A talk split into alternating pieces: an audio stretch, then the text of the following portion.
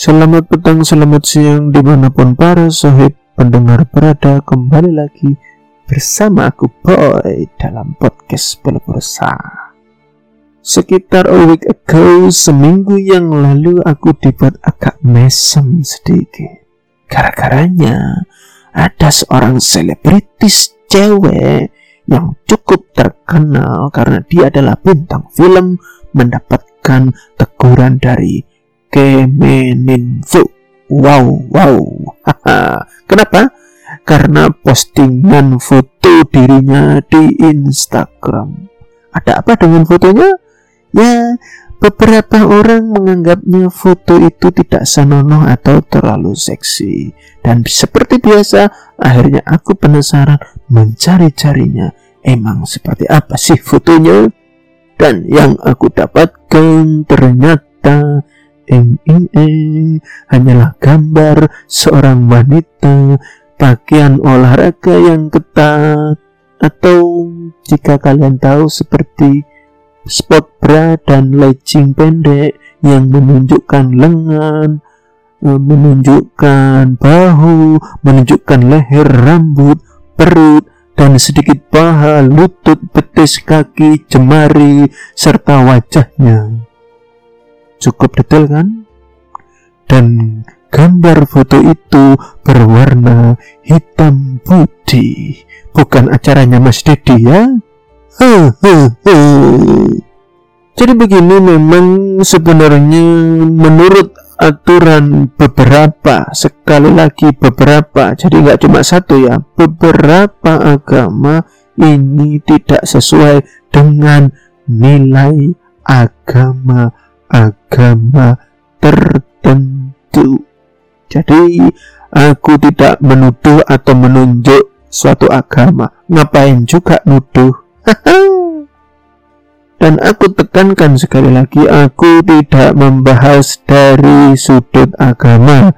Jika kalian para pendengar mencari penjelasan menurut sudut pandang hukum agama, lebih baik segera anda ganti channel podcastnya dan bertanya pada mereka yang lebih ahli. Karena banyak yang lebih pintar dari aku untuk menjelaskan dari sudut pandang agama. Kalau aku sih, aku suka melihatnya dari sudut pandang budaya, pandangan sosial, pergeseran nilai, politik, dan sudut pandang fashion atau seni. Oke, bagaimana dari sudut pandang budaya timur apakah itu gambar yang tidak senonoh? Bisa iya, bisa tidak.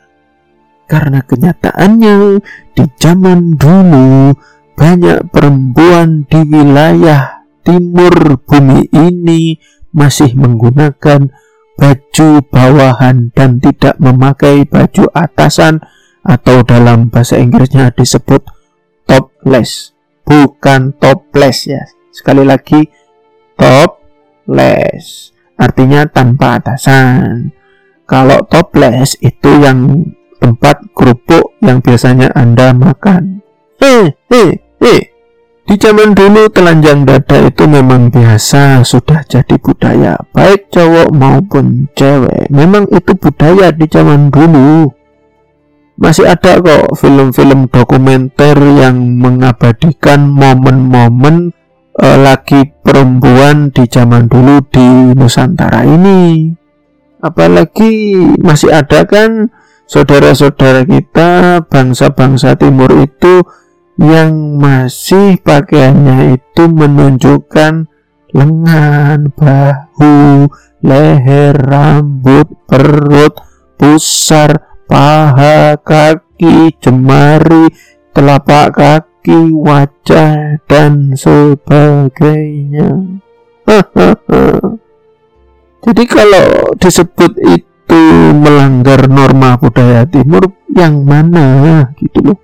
Kalau itu disebut tidak senonoh, yang bagaimana? Maaf maaf ini ya. Misal ini kalau kalian para cowok itu lebih mudah terangsang yang mana? Mudah naik birahi pada kondisi yang bagaimana?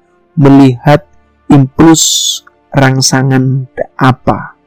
Visual atau audio? Atau keduanya?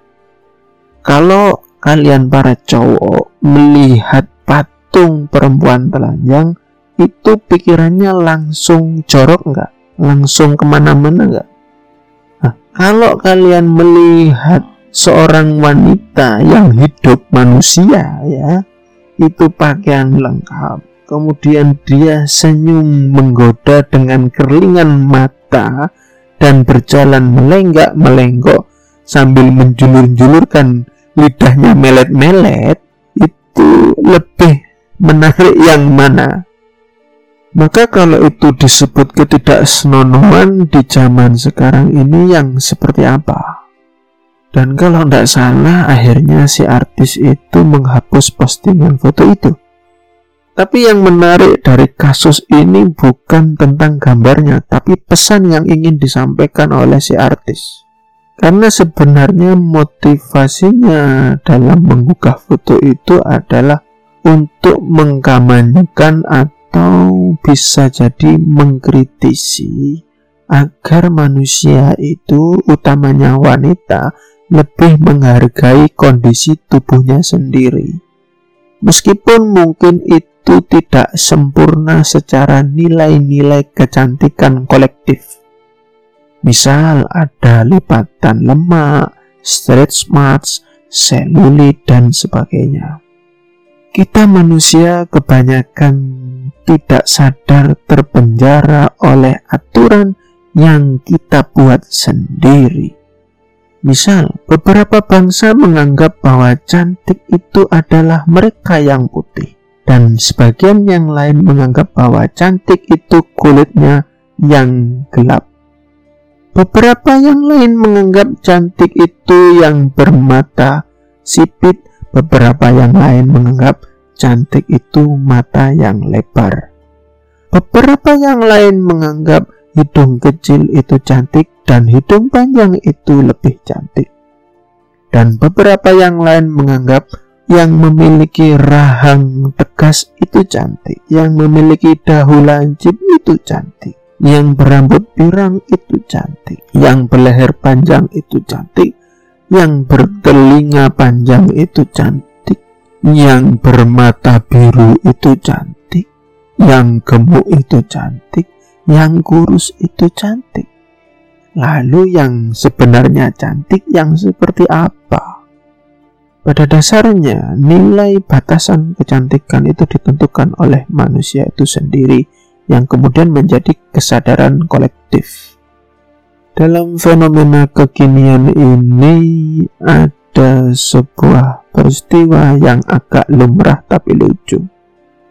Biasanya nih, kalau para cowok bercermin, dia akan mengatakan, "Aku cakep, aku tampan, aku seksi."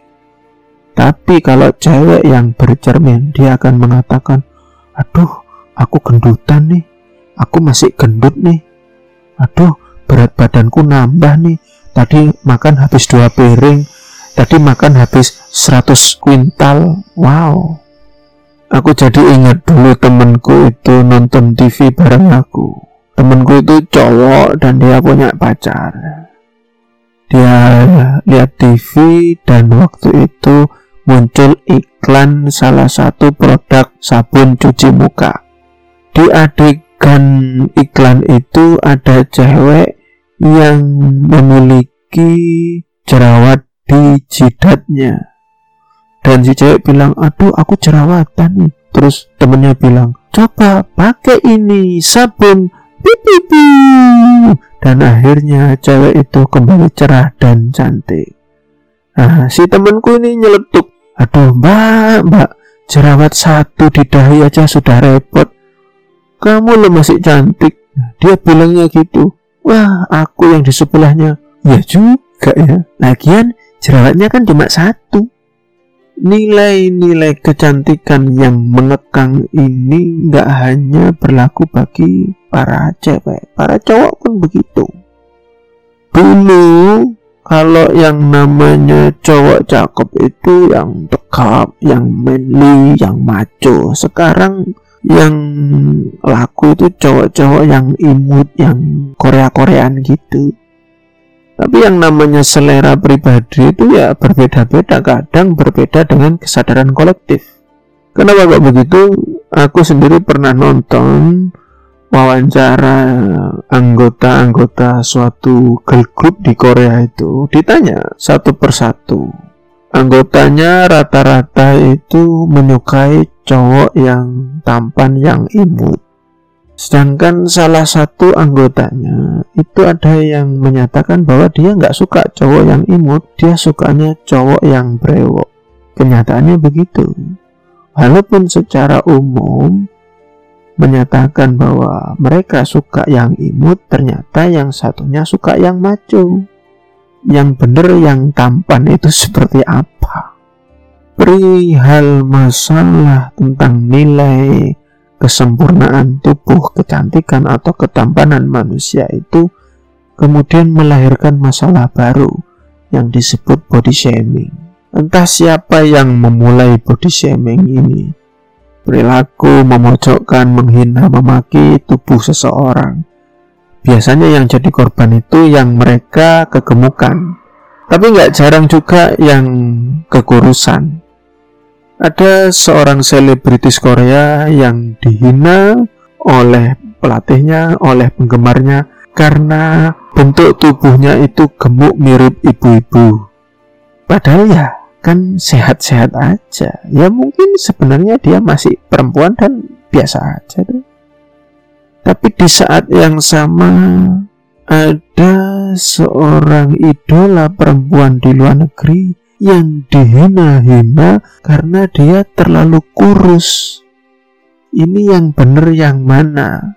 Yang cantik itu siapa? Yang gemuk atau yang kurus? Jujur aja ya, aku nggak setuju dengan slogan cantik itu kan tulisannya bukan kurus. Ya, tapi tulisan cantik juga bukan gemuk.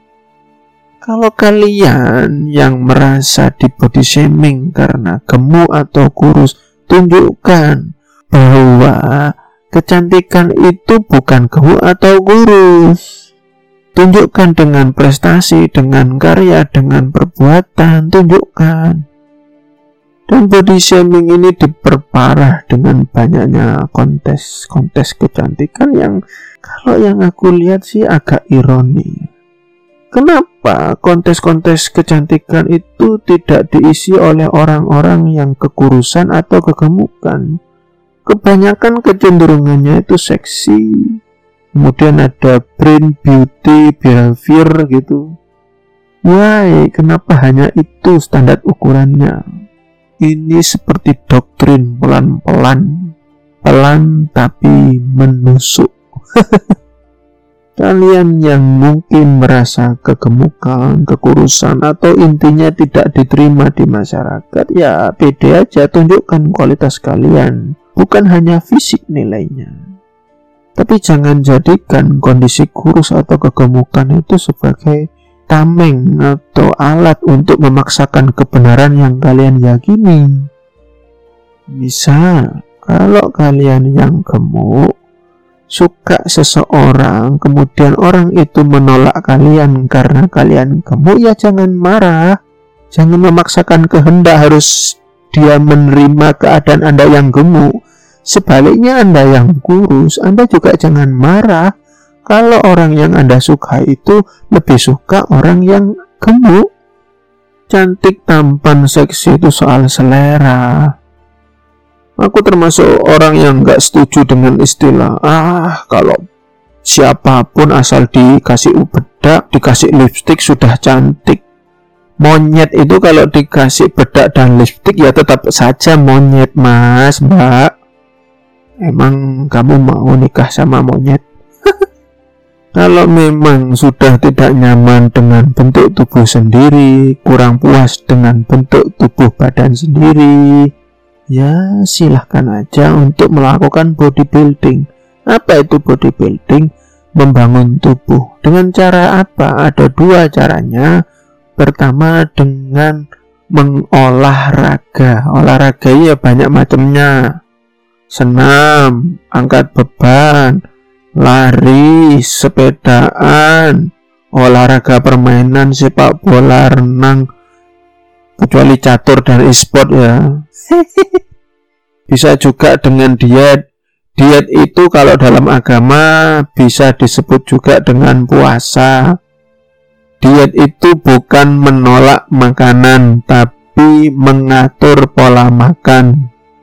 Ada istilah dari temanku yang mengatakan, kalau makan itu jangan serakah, nanti kamu seperti babi. Kok bisa ya? Emang babi itu makannya banyak ya?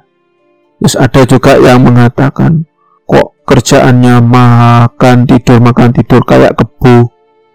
Sebenarnya ini adalah ungkapan agar kita tidak berperilaku seperti hewan, makan secukupnya, beraktivitas secukupnya. Bagaimanapun bentuk tubuhmu, syukuri. Jika memang kurang, bentuk dengan yang baik. Tidak ada larangan kan untuk membentuk tubuh. Yang jelas jangan memaksakan orang lain untuk memandang dirimu itu bertubuh seksi. Karena seksi tampan cantik itu soal selera. Dan juga bagi para suami-suami di luar sana, jika kalian bertemu denganku, jangan tanyakan padaku apakah istri kalian itu cantik, karena aku juga nggak peduli. Istri kalian untuk kalian, jangan tanyakan padaku. Yang jelas, bentuklah tubuhmu, rawatlah tubuhmu yang membuatmu nyaman untuk beraktivitas dalam hidup. Aktivitas hidup itu banyak dan macam-macam. Bahkan dalam beribadah itu butuh tubuh yang fit, butuh tubuh yang sehat. Kalau tubuh kalian tidak sehat, kalian mati, emang kalian bisa beribadah. Begitu juga dengan bekerja atau mencari rezeki. Kita butuh tubuh yang nyaman untuk bergerak dan kita butuh tubuh yang sehat. Sekian podcast kali ini. Jika ada yang tersinggung atau tidak setuju, maafkan. Sekian podcast kali ini. Jika ada yang marah, aku minta maaf. Dan jika ada yang tidak setuju, saya ucapkan ya begitulah. Sampai jumpa lagi. Terima kasih. Bye bye.